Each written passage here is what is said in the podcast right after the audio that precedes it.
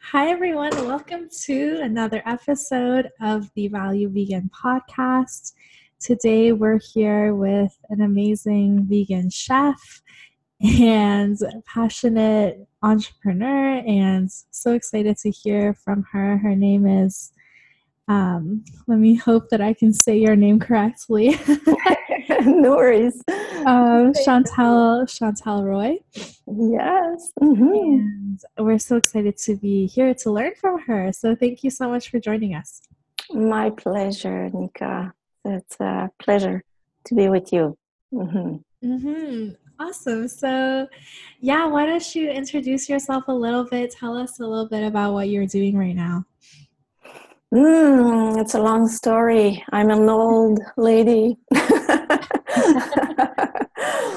uh, well, I grew up on a farm, and that's when it all started, I think, because I was very uh, close to animals, and at that time, we um, they had the slaughtering on the farm, and mm. I was a very, very little girl and I saw that, and it just, I was so upset. I couldn't believe my friends were killed. Mm-hmm. So, uh, yeah, but it's a little bit later that I realized that, oh, there are people who uh, uh, eat, uh, they don't eat meat and they don't eat animal products. So, uh, it's pretty much at college and university uh, in the in the 80s and uh, the, the first book that inspired me was uh, a new diet for america or a diet for a new america i never know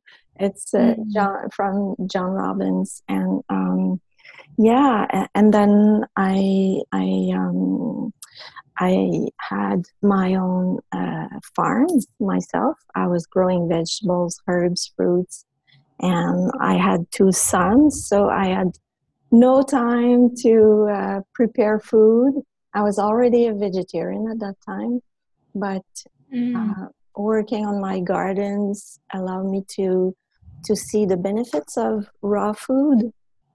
So I went uh, vegan and raw, and and then I I went to study in California uh, in um, at Living Light Culinary Arts Institute, and then I opened raw food restaurant after the other one, another and another one. So I had uh, different restaurant, raw food restaurant, hundred percent vegan, hundred percent organic, and uh, and then I published books and I created um, culinary art programs the first, actually, the first raw vegan university level uh, program was in UBC.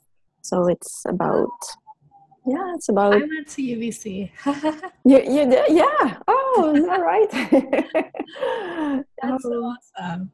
Yeah, yeah.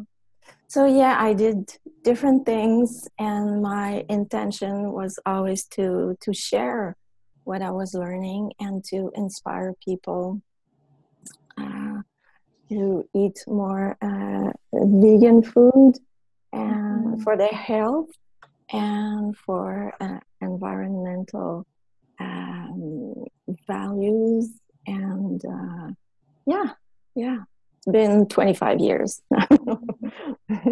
Wow wow. So tell us a little bit about transitioning from just vegan to raw vegan and what that was like as a process and kind of why you made that shift. Yeah, it's been very, very um, natural for me because mm. I had learned that eating raw food was uh, would give you more energy and more clarity, but uh, it just happened by accident in my gardens because as I said, I had that farm and my sons, and I didn't have time to cook, so I was eating out of my garden, and I, I could notice it how much energy I had from very early in the morning till late at night, and it was just because because of raw food, because of living food, fresh fresh harvested food and and not processed and not cooked and uh, yeah that was uh, amazing for me to see it was a revelation for me to see that so it went mm-hmm. very very naturally and um, yeah the transition i mean i was already uh, vegan at that time mm-hmm. and yeah i think the um, my my um, my story was longer from vegetarian to vegan than from vegan to raw mm. yeah everyone has its own pace and we need to respect that but mm. this said i think that nowadays um, there's an emergency and we need to be i think a little bit quicker than our natural pace. We need to mm. push a little bit to to uh, to to get out of our you know limitations and and mental blockage. I don't know if we can say that. Mm, yeah. Yeah. But uh yeah. Tell us tell us more about that about what you mean that there's an emergency. Well for me um like the first reasons why i went on a health healthy diet and a, and a vegetarian diet at that time were were ethical reasons. And then it was for myself. I was a mother. I wanted to be the healthiest mother. And i wanted to give the purest milk. So it was for health reason mm. reasons. But um, the the climate change is urgent. We don't have that much time to uh, to to to to shift things. And this is major what we can do with our uh, food habits.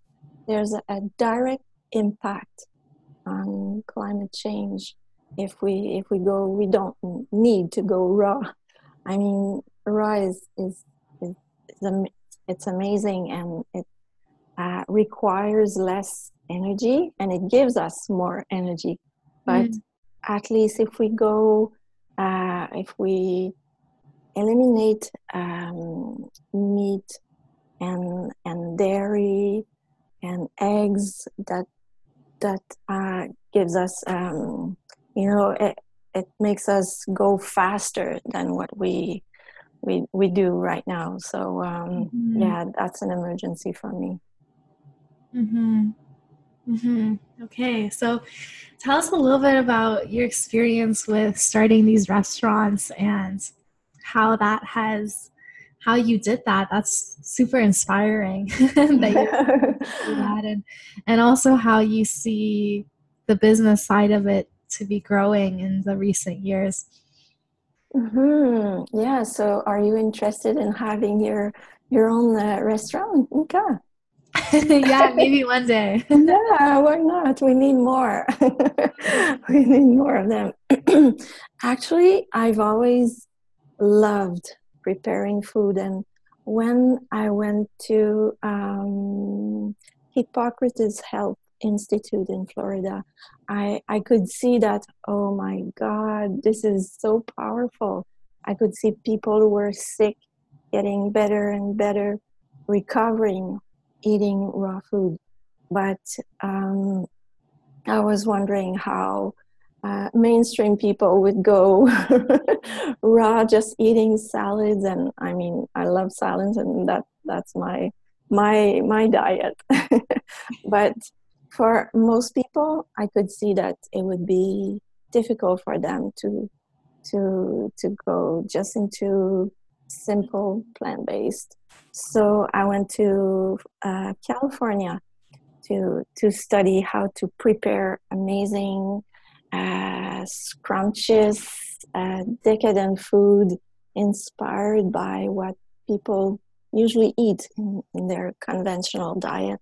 Mm. So that was so inspiring. I, I studied with Cherie Soria and other fantastic pioneers in, in the vegan and raw movement. And we had to um, to set up a goal during our uh, school, and my own goal came like very naturally. I wrote it down. It was I want to open a raw food restaurant in my hometown, hometown or the place where I was living at that time, and I just wanted to share it with people because that was so incredible and and powerful. So that's what I did. I, I just and when you go raw or when you go vegan first, and then when you add more and more raw food, you get so much energy and, and blockages just go away like like crazy so you you feel more um, confident about yourself and about your goals and and you just go for it. And uh, yeah i had no doubt after my my school in california that i would do it. And i did. And people were just amazed. They were just amazed to to they didn't know nothing about raw food. I mean it's 15 years ago. Mm. and it was in the northwest of quebec. Okay. and yeah in a very cold place so anything is possible nika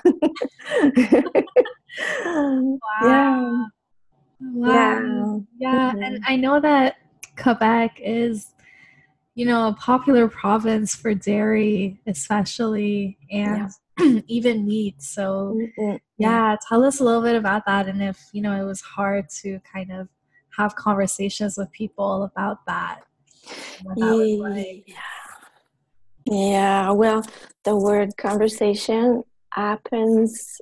Um, you, you just give them some food to taste, and that's it. done.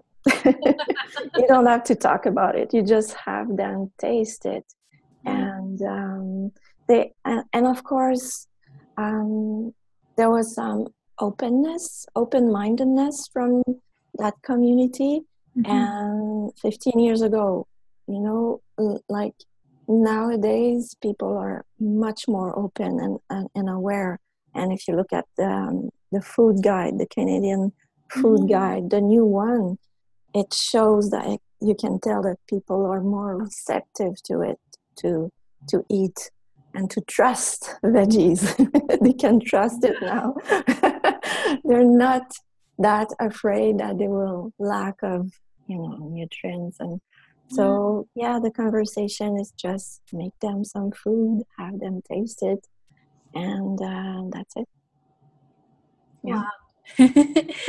that's awesome and tell us a little bit about being raw vegan in, in a colder climate. You know, because mm-hmm. when people think about going raw vegan, they think about Hawaii and all these warm places and just having all these tropical fruits. So tell yeah. us a little bit about that.